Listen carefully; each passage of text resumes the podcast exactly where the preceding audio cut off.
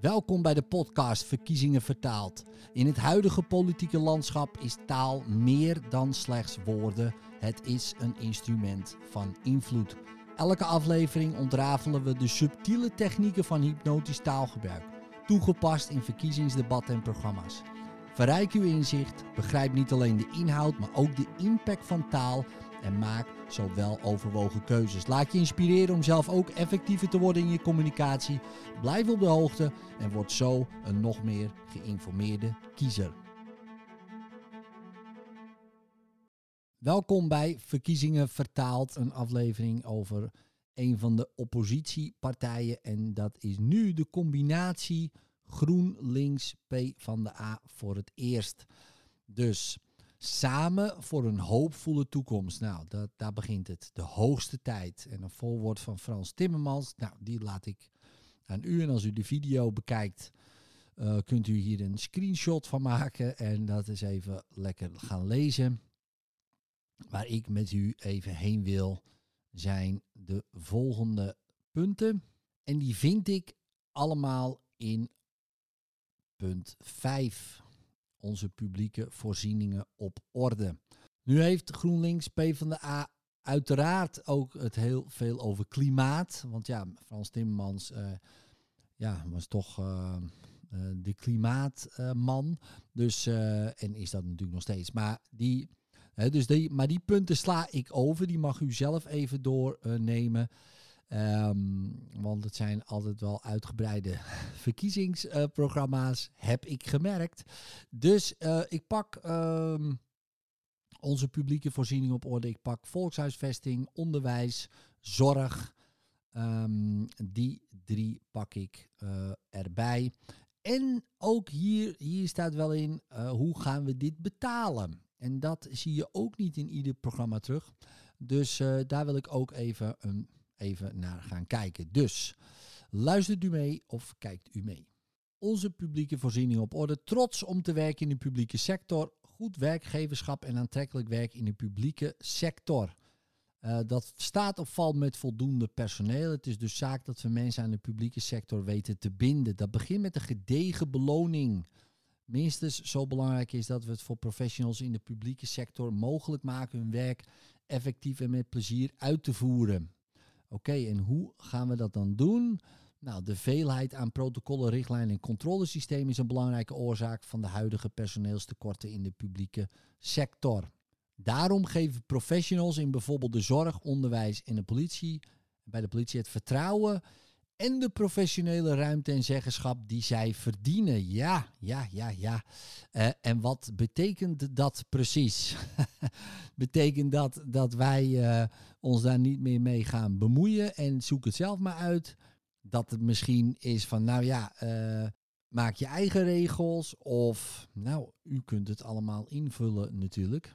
Maar u ziet hier ook weer uh, dat er een uh, verband wordt gelegd tussen de veelheid protocollen, richtlijnen en controlesystemen uh, aan het huidige personeelstekort. Ja, dus, dus dat mensen niet kiezen voor een baan in de zorg, onderwijs, politie komt door de hoeveelheid aan protocollen en richtlijnen. En ja, u mag zich afvragen of dat ook echt zo is, of dat dit verband alleen wordt gelegd door nou ja, de GroenLinks PvdA. Uh, beperking ZZP'ers in de publieke sector. De toename aan ZZP'ers holt die solidariteit uit. En onze publieke voorzieningen functioneren op basis van solidariteit. Het verlaagt de solidariteit binnen organisaties, drijft de kosten op en verhoogt de werkdruk voor collega's die wel in loondienst blijven werken. Ja, dus hier wordt de correlatie gelegd. Dus ZZP'ers zijn niet solidair. Dat staat er. Um, en mensen in loondienst wel. Ja, mijn persoonlijke ervaring is dat helemaal niet. Dus ja, ik weet het niet. Ik heb vroeger in de bouw gewerkt. Uh, wij werkten met heel veel ZZP'ers. Die waren prima uh, solidair met wat we moesten gaan doen. Um, ik heb nu een eigen bedrijf. Nou, en ook daar werk ik af en toe met ZZP'ers. Ja, voor bepaalde opdrachten op opdrachtbasis. En die zijn prima uh, solidair. Ik merk weinig tot geen verschil. Dus ja, ook de, dit verband ja, is misschien wel, en ik zal niet zeggen dat het zo is, misschien wel alleen maar ja, gekoppeld door GroenLinks PvdA. Misschien ook niet. Misschien is het in die sector ook uh, daadwerkelijk zo. Maar is het dan overal zo? Over de hele zorg. Ja, en is het ook niet zo dat als we dat allemaal wegdoen, dat we dan een nog groter probleem hebben? Dat staat er ook niet bij. Er komt een limiet aan de inzet van ZZP'ers in deze sectoren. En in een sector als de zorg onderzoeken we de mogelijkheid om ZZP-constructies te verbieden zelfs. Dus dan kan het alleen maar in loondienst uh, zijn. Ik ben benieuwd hoe, uh, hoe ze dat gaan doen. Schaalverkleining.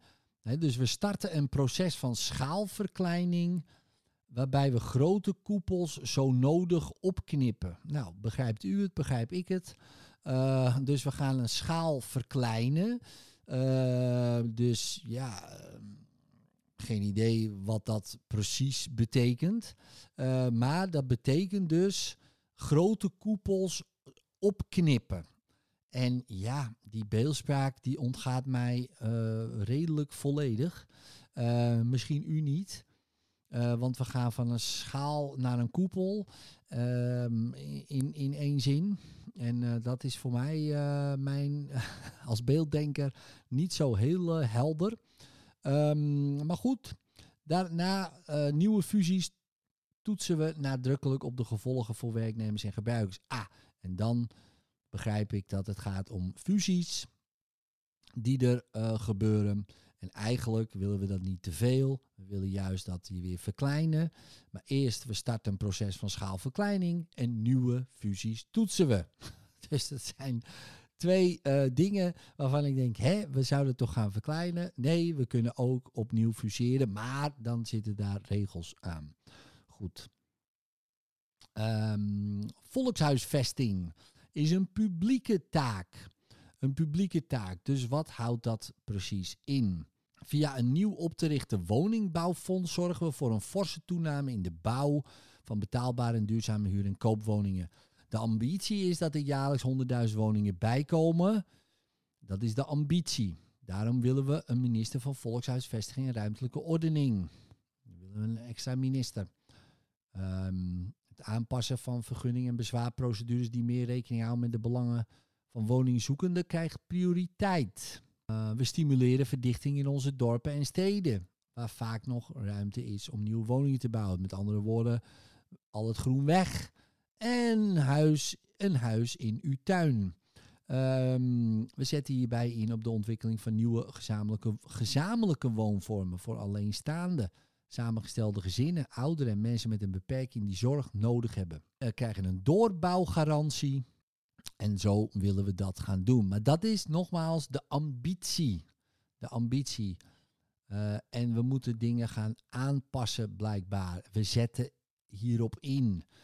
En dit zijn allemaal interessante zinsconstructies. Hè. Wij, wij zetten hierbij in op. Uh, of we stimuleren verdichting, eh, maar er staat allemaal onspecifieke werkwoorden. Stimuleren, hoe stimuleer je dat dan? We zetten hierbij in. Oké, hoe zet je dan in? Uh, het is allemaal heel onspecifiek. En daar staat het hele verkiezingsprogramma natuurlijk vol mee. Zodat u uw idee van stimuleren erop kan plakken. Uw idee van er, erin zetten op kan plakken. Uh, en dan, want het voelt misschien wel uh, zo. Hè, of misschien voor u ziet het er zo uit. Dan zeg ik, oh, we zetten in op. Dus alle, alle hulpbronnen gaan daarheen. Alle mogelijkheden gaan daarheen. Maar ja, we zetten hierop in met een idee. Uh, oh, idee wordt verworpen en we gaan weer verder. Dus dat kan natuurlijk ook. Even kijken. Dan gaan we even verder. Einde aan dakloosheid. Ja hoor, en we blijven vasthouden aan het doel om in 2030 onvrijwillige dakloosheid te beëindigen, zoals afgesproken in de Lissabon-verklaring. Ook hier ziet u weer het getal 2030, toevallig net na deze kabinetsformatie. Die eindigt op 2028 in principe, nou niet de formatie, maar eh, als we ooit gaan formeren. eh, wanneer er wordt eh, geformeerd en het kabinet gaat van start, dan is dat tot 2028. Eh, en dan zijn er weer nieuwe verkiezingen. Dus ehm, ongeveer. Dus eh, misschien wel eerder. Dat weten we natuurlijk niet. Maar 2030 is echt een getal. Komt vaker terug in de programma's. Dat is natuurlijk mooi. We gaan ervoor. Maar ja, als we het niet redden, nou ja, dan eh, is het nog geen 2030. Daarnaast wil GroenLinks Partij van de Arbeid ook ehm, dat beleggers goedkope woningen kopen om ze duur te verhuren. Eh, en om dat te voorkomen krijgt gemeente de mogelijkheid om voor de gehele woningvoorraad een zelfbewoningsplicht in te voeren voor onbepaalde termijn. We, en dat houdt in dat ze dus eh, de mogelijkheid krijgen om gebieden aan te wijzen waar mensen met een laag of middeninkomen voorrang krijgen op koopwoningen. Dus die krijgen ehm, voorrang. Zodat beleggers eh, die die huizen misschien ook willen kopen, eh, ja, naast de boot de boot missen. Of ja, gewoon de woning niet kunnen kopen, zodat andere mensen dat wel kunnen kopen. Nou, dat klinkt, eh, dat klinkt natuurlijk hartstikke goed. Hè, zeker omdat de staat laag en middeninkomen voorrang krijgen op beleggers. En eh, juist om die woorden te gebruiken, eh, is het net of beleggers, ja, dat zijn geen mensen, hè, dat zijn beleggers en die doen het alleen maar voor zichzelf om te beleggen. En die hebben niks met u te maken, met uw woongenot. Hè. Dat, zo wordt het een beetje naast elkaar eh, gezet.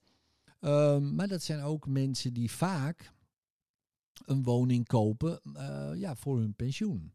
Eh, omdat ja, het pensioen eh, als ondernemer is slecht geregeld. Dus ja, dan kopen ze een paar panden en verhuren ze dat. En vaak helemaal niet tegen exorbitante prijzen. Soms wel, en dat is ook zo. Ehm, en ook is het vaak zo dat hele grote corporaties, zoals een BlackRock, eh, heel veel woningen opkopen. En daar hoor je toch vaak niks over. Ehm, dat, eh, het gaat dan wel om de belegger die vijf woningen heeft, of misschien tien of twintig, wat hè. En eh, prima om dat, om dat aan de ka- kaak te stellen, om te zeggen, hey, kan dat niet anders? Ehm, maar ik vind het altijd wel heel interessant dat een hele grote partij die duizenden woningen dan opkoopt, ja, daar hoor je eigenlijk vrij weinig van. Eh, en die wordt ook vaak niet geassocieerd met de belegger, eh, want dat is gewoon een hele grote multinational die alles opkoopt. Maar goed, dat even terzijde. Het onderwijs voor kansen en ontwikkeling. Meer ontwikkelkansen door personeelstekorten op te lossen. En hoe gaan we dat dan doen? Nou, een leraar op het VMBO is wat ons betreft evenveel waard als leren op het VWO of in het speciaal onderwijs. Om het tekort aan schoolleiders terug te dringen, zorgen we ervoor dat schoolbesturen kwalitatief en kwantitatief gaan investeren in schoolleiderschap. Wij voeren in het hele primaire onderwijs een minimale stagevergoeding in van 750 euro per maand. Zij-instromers die de overstap naar het onderwijs maken, krijgen daarnaast een overgangsvergoeding als zij terugvallen in inkomen. Wij zorgen ervoor dat beginnende leraren ook na hun opleiding voldoende begeleiding krijgen en geven alle leraren een permanent recht op bijscholing. Nou, dat is natuurlijk allemaal mooi. Uh, hè, dus uh, dit gaat om een geldmotiverende oplossing. Hè, dus uh, waarbij denk ik ook over het hoofd wordt gezien dat mensen over het algemeen in zo'n beroep, leraar, zorg, politie, het niet doen voor het geld. Natuurlijk is dat wel een motiverende factor. Als je te weinig wordt betaald, is dat zeker een motiverende factor om te stoppen. Um, maar het is ook niet zo dat geld de factor zou uh, hoeven zijn, denk ik. En ik denk voor deze partij is dat wel interessant. Maar uh, ze hebben daarbij ook, en dat moet ik ook wel even zeggen, we maken daarom het vak van leraar aantrekkelijker door meer zeggenschap te geven op de werkvloer. Oké, en wat betekent dat precies? Uh, dat ik tegen de directeur in mag gaan. Papierwerk terug te dringen. Uh, Oké, dus mag, mag ik dan minder nakijken. Arbeidsvoorwaarden aantrekkelijker te maken. En wat betekent dat dan precies? Ja, dat staat er allemaal niet bij. Echt gelijke kansen. We verhogen de salarissen van onderwijspersoneel op scholen met veel kwetsbare kinderen structureel. Deze scholen krijgen kleinere klassen en we zorgen voor extra klasseassistenten en extra middelen voor ondersteuning in de klas. Ook scholen in krimpregio's kunnen een beroep doen op deze toelagen. Op termijn willen we dat alle scholen kleinere klassen hebben. Ja, dus veel kwetsbare kinderen, uh, daar worden kleinere klassen voor gecreëerd. En geen kwetsbare kinderen niet. Ja, op lange termijn. Welk op termijn? Ja, niet langer staat er. Op termijn. Welke termijn weet niemand. Maar goed, um, dat uh, gaat gebeuren. Er is al een uh, lerarentekort.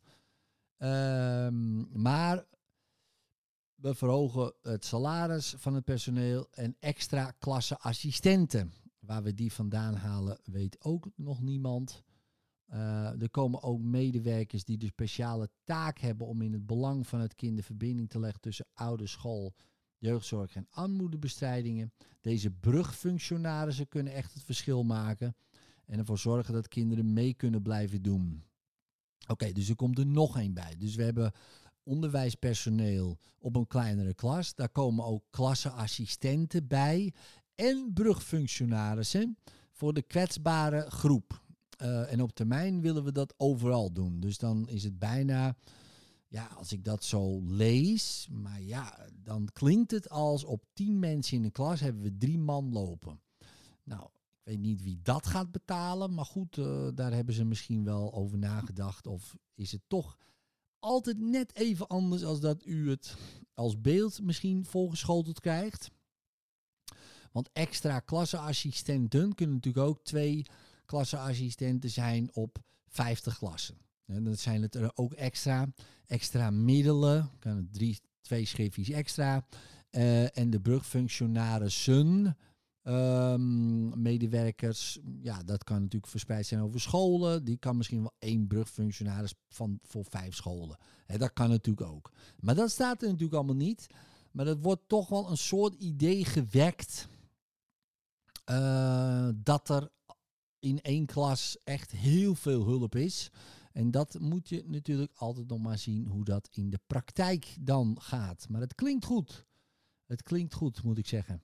Theoretisch en praktisch even belangrijk maken. Interessant punt. Ik ben benieuwd. We schaffen het systeem af waarbij scholen bonus en strafpunten krijgen als leerlingen van niveau veranderen. We zorgen ervoor dat kinderen niet vroegtijdig worden vastgepind op een praktische of theoretische leerroute. Dat kan door leerlingen op het VWO. Dat kan door leerlingen op het VWO ook MBO-vakken te geven en omgekeerd. Of door theorie- en praktijkgerichte opleidingen meer te laten samenwerken. Bijvoorbeeld in gezamenlijke projecten. Oké, oké. Ja, uh, dat is wel interessant, want ik had het toch anders uh, misschien begrepen. Dat uh, bijvoorbeeld een praktijkopleiding, hè, dus een elektricien, is net zo belangrijk als een afgestudeerd econoom. Want als ik een afgestudeerd econoom in mijn elektrakast laat rommelen, hebben we een probleem. En als ik een uh, elektricien ga laten nadenken over de conjunctuurbeweging in de samenleving, dan kijkt hij me misschien glazig aan. Misschien ook helemaal niet. Ja?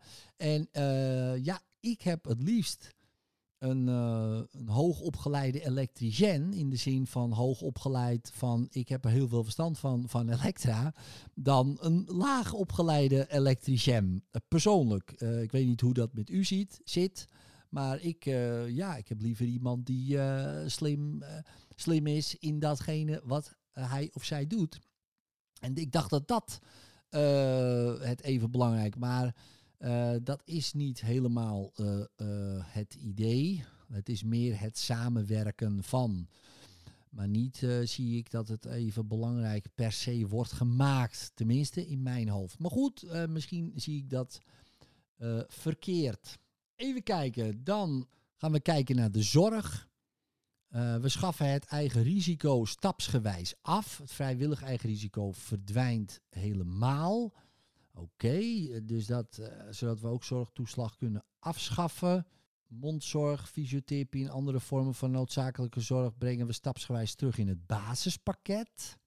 Zodat iedereen daar weer toegang toe krijgt. Nou, dat mag wat kosten als ik dit allemaal zo lees.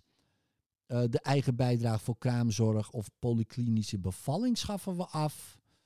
Nou, zo krijgt elk kind, arm of rijk, dezelfde kans op een goede start. Nou, dat is uh, uh, heel erg mooi. klinkt goed, maar ik denk, ja, hoe gaan we dat dan betalen? Maar misschien is dat um, wel ergens anders. Um, want hier staat, we stellen een grens aan het aantal ZZP'ers dat een zorginstelling maximaal mag inhuren. De medisch specialisten komen in loondienst. De huisartsen werken in niet-commerciële groepspraktijken. En in samenwerking met nabije ziekenhuizen voor hun ondersteuning. Oké, dus die mogen niet meer commercieel gaan werken. Ah, dus daar halen ze dat misschien dan vandaan, dat geld. Um, even kijken. Dan gaan we even naar grip op geestelijke gezondheidszorg. Ook in de GGZ komt er coördinatie via regionale zorgtafels. We zorgen dat er voldoende zorg wordt ingekocht, zodat lange wachtlijsten worden teruggedrongen. Voor de meest complexe GGZ-behandelingen gaan we landelijke centra oprichten. Breiden we het aantal plekken voor crisisopvang uit.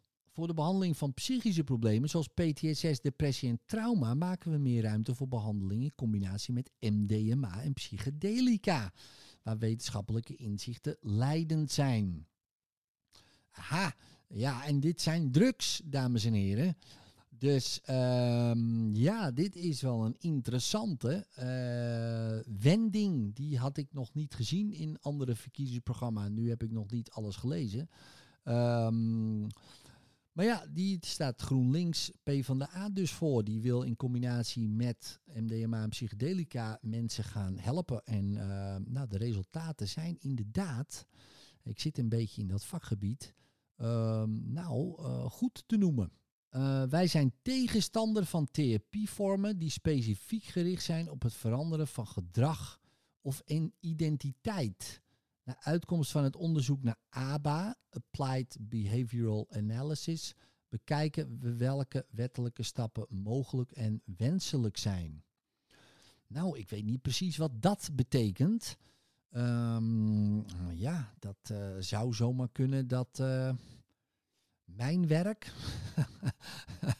dus ik, uh, uh, ik zit in de hypnotherapie en wij ja, zijn toch gericht op het veranderen van gedrag van mensen, zodat ze iets anders gaan doen wat beter werkt. Maar ja, daar zijn, uh, is GroenLinks P van de A toch tegen. dus nou, oeh, spannend, spannend, spannend. Um, en ik ga ook het, even dat onderzoek, ehm, ga ik even toch even erbij pakken en lezen. Want daar ben ik wel nieuwsgierig naar. Maar misschien gaat het helemaal niet om bijvoorbeeld hypnotherapie in mijn geval. Maar goed, laat ik niet dat zijpaadje induiken. Dan gaan we even naar gezondheid verder kijken. Uh, de gezonde samenleving. De zorg voor onze gezondheid begint bij het organiseren van een gezonde samenleving. Of het nu gaat om schulden, geestelijke gezondheid of problematisch overgewicht. Het is cruciaal om problemen aan te pakken voordat mensen gezondheidsproblemen krijgen.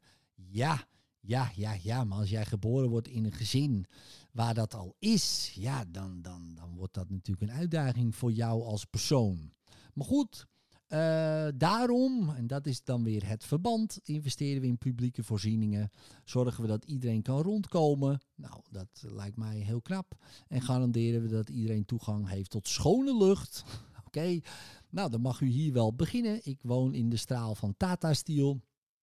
Um, dus bij mij is dat dan uh, niet zo. Maar ik heb wel toegang, moet ik even ergens anders heen. Schoon water, goed voedsel en een fijne leefomgeving. Oké, dus, dus, um, dus de correlatie is hier van, uh, dus als je schulden hebt, geestelijk niet gezond bent en overgewicht, dan komt dat omdat je geen schone lucht, schoon water, goed voedsel en een fijne leefomgeving hebt. Daar komt het op neer. Uh, en daar investeren ze in, in publieke voorzieningen. Dus dan moet je daar even goed nog heen. Je moet toch nog steeds altijd iets doen. Maar ja, als je depressief dik op je bed ligt, dan wordt dat heel lastig om, om die stap natuurlijk te maken. Maar goed, we gaan even verder kijken. De sportende samenleving. Een nieuwe sportwet. Ja, daar heb ik al vorige keer ook al gezien. We leggen wettelijk vast dat iedere gemeente voldoende sportverenigingen en faciliteiten moet hebben. Nou, dat is natuurlijk mooi. Uh, verder zorgen we dat er op iedere school weer gymles wordt gegeven. Nou, dat lijkt me ook een goed idee. En is ons doel dat ieder kind een zwemdiploma haalt. Nou, dat lijkt me ook een goed idee. Nou, dat zijn toch goede ideeën. Um, maar ja, hoe zorgen we ervoor? Want hier staat, verder zorgen we ervoor dat op iedere school een gymles wordt gegeven door een gecertificeerde leraar. Ja, ja, en hoe gaan we dat doen met al die tekorten? Uh, we zorgen voor vitale verenigingen. Wat betekent dat precies? En bieden ondersteuning ook aan de kleine verenigingen. Ja, er staat weinig bij uh, van dat u ook wat moet gaan doen. Nou, gelukkig maar. Hè. Dus uh, hoeft u niks te doen. Uh, dat scheelt allemaal weer. want GroenLinks, PvdA doet het voor u. Ze stellen een verbod in op reclames voor ondergezonde zaken. Um, dan ook terugdringen van schadelijke producten, zoals e-sigaretten. Jongeren moeten kunnen uitgaan. En wat ook uh, de punten zijn, een veilige en goede seksuele gezondheid. Anticonceptie, zoals de pil en spiratie, komen in het basispakket. Nou, dat is een goed idee, uh, vind ik, maar dat is persoonlijk. U misschien helemaal niet. Um, voor jongeren tot 25 jaar maken we condooms gratis beschikbaar bij de apotheek. Uh, en de SOA-test bij de huisarts zonderen we uit van het eigen risico. Dus u kunt gewoon een SOA'tje dan halen. Tenminste, tot 25. Daarna moet u toch betalen. Uh, versterk recht op abortus. Abortus verwijderen uit het wetboek van strafrecht. GroenLinks, PvdA. En ook zelf beschikken over het levenseinde. En daarom willen ze euthanasie ook uit het strafrecht halen. Nou, dat zijn wel punten uh, om toch even te noemen. Uh, ik had gisteren de ChristenUnie. Uh, die had toch hele andere punten daarbij. Zoals u wel zou begrijpen. Dan gaan we heel even kijken. hoe gaat u dat betalen? Heel kort, hoe gaan we dit betalen? Want dat zegt ook niet iedereen, maar toch moet ik toch toegeven, GroenLinks PvdA zegt dat wel redelijk uitgebreid. Uh, maar zeggen ze dat heel letterlijk en, en duidelijk? Dat is nog weer de vraag. Investeren in een sterke samenleving. Oké, we moeten dus gaan investeren, blijkbaar. Dus we gaan geld uitgeven. Daar komt het dan altijd op neer. Daarom komen we met een ambitieuze investeringsagenda in een duurzame economie, goede publieke voorzieningen en bestaanszekerheid voor iedereen. Oké, dus we gaan veel investeren. Een verantwoord begrotingsbeleid. We voeren een trendmatig begrotingsbeleid om de economie te stabiliseren. We kijken vooral naar de lange termijn. De lange termijn. Maar goed, ze regeren meestal maar kort. dus, dat, dus dat is altijd een mooie zin. We, we, kijken vooral naar de lange termijn. Dus nu investeren we vier jaar lang gewoon veel geld in de economie, zodat het heel goed gaat. En als het natuurlijk heel goed gaat, kiest u waarschijnlijk toch weer voor ons. Ja, daarna moeten we wel vier jaar keihard bezuinigen, omdat we te veel geld hebben uitgegeven. Maar ja, dat zien we dan wel. Dus ik weet nooit, ja, lange termijn is vaak een excuus voor korte termijn uitgaven. Um, maar goed, uh, misschien heb ik het helemaal fout. De miljardenrekening van Rutte 4. Ja, kijk, dat is oppositie natuurlijk. Dat is, uh, we kopen geen problemen af met grote sommen geld en schuiven financiële problemen niet vooruit. Bovendien loopt de overheid al jarenlang miljarden mis door maas in de wet en door verkeerde keuzes. Denk aan de 26 miljard die de Belastingdienst is misgelopen door dividendstrippen. En de keuze om vervuilers niet stelselmatig te belasten, maar juist met miljarden te subsidiëren. Het volgende kabinet moet de komende jaren daarom verstandiger omgaan met belastinggeld. Ja, dus hier is ook alweer de vooronderstelling dat uh, multinationals, hè, vervuilers, de vervuilers, uh, subsidiëren. Nou, dat zijn uh, u als vervuiler wordt niet gesubsidieerd. Hè. Als u nu uh, wat vuilnis op straat gooit, u krijgt daar geen geld voor. Kan ik me zo voorstellen. Dus dit gaat dan vervuilers. Dan hebben we het over de grote bedrijven. Maar dat staat er niet, dat staat verdekt, maar u kunt zich dat wel erbij invullen. En door dividendstrippen, ja, dat zijn mensen uh, ja, met uh, ja, de aandeelhouders. Maar ook, kijk, de aandeelhouders, en dat is altijd interessant, dat is vaak niet tien mensen uh, die dat bepalen, maar bijvoorbeeld u kunt ook aandelen kopen hè, in, in Apple bijvoorbeeld. En u krijgt daar dan ook dividend op. En, um, maar goed, ook daar is, is de Belastingdienst misgelopen. Uh, en 26 miljard is natuurlijk wel heel veel geld, laten we eerlijk wezen. Maar u ziet wel weer waar dat aan gekoppeld wordt. Uh, en wat het doel is van uh, GroenLinks, P van de A. om dat juist naar de bevolking te halen. En dus die miljarden, en dat blijkt dus nu, te investeren in nou ja, bijvoorbeeld het onderwijs. Maar ook voornamelijk het onderwijs van de kwetsbare gevallen. Dus waarschijnlijk als u normale tussen haakjes kinderen heeft, zal u er waarschijnlijk niks van terugzien. Uh, maar goed, het is natuurlijk wel in ieder geval een, een idee waar dan dat geld vandaan komt. Nou, dat kunt u allemaal lezen. Uh, hè, werken moet lonen, simpeler en eerlijker belastingstelsel. Uh, jaarlijks deelt de Belastingdienst 150 miljard uit aan fiscale kortingen. En dat willen we allemaal afbouwen of afschaffen. Zoals uh, de expatkorting, de innovatiebox, de bedrijfsopvolgingsregeling of de hypotheekrente aftrek. Ja, dus als u een eigen woning heeft u hypotheekrente aftrekt, GroenLinks, PvdA wil dat dus weg hebben, dan weet u dat maar. Progressieve inkomstenbelasting, ja, dat betekent eigenlijk, hè, dan weet u het al, de sterkste schouders dragen de zwaarste lasten. Uh, met andere woorden, we moeten meer belasting gaan betalen als we meer verdienen. Maar hier stond ook werken moet lonen. Dus ja, dan snap ik dan niet helemaal. Uh, maar goed, um, GroenLinks, P van de A, denk ik wel. Koning betaalt belasting. Nou, dat vind ik toch wel. Ja, dat is toch een mooi punt. Ja, waarom niet? Hè? We geven hem een uitkering. Ja, en daarover betaalt hij belasting. Dus we geven hem geld en hij geeft ons geld eigenlijk weer een beetje terug. Nou, dat is toch prima.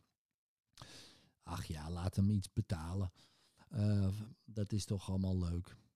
Uh, Oké, nou ja, ik, ik, vind, ik moet zeggen, um, ik moet zeggen dat uh, ja, als een van de weinige uh, verkiezingsprogramma's is toch wel redelijk uitgebreid in, over hoe ze dan het geld gaan uitgeven. Nou ja, uitgebreid. Het is natuurlijk nog net zo hypnotisch abstract.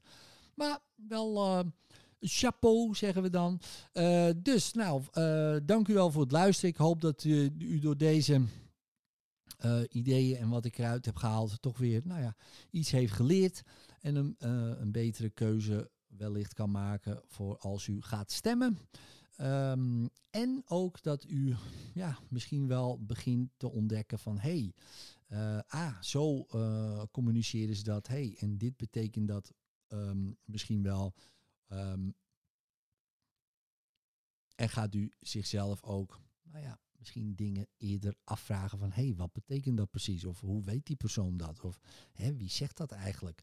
En dat zijn altijd interessante vragen om uit dat hypnotische taalgebruik te komen. Uh, en om u af te vragen, ja, hoe, hoe doen ze dat dan precies? En het staat vol met hele abstracte uh, dingen um, en woordgebruik. En nou ja, zo kunt u ook uw eigen communicatie verbeteren. Want ja, hoe abstracter u praat met iemand, hoe meer u ook iemand meekrijgt in uw idee. Dus daar kan, kunt u altijd natuurlijk van leren. Nou, ik hoop dat u van deze aflevering uh, ook wat heeft geleerd. Dat u inspireert om misschien ook uh, hier wat mee te gaan doen. Geen idee. In ieder geval, tot de volgende aflevering.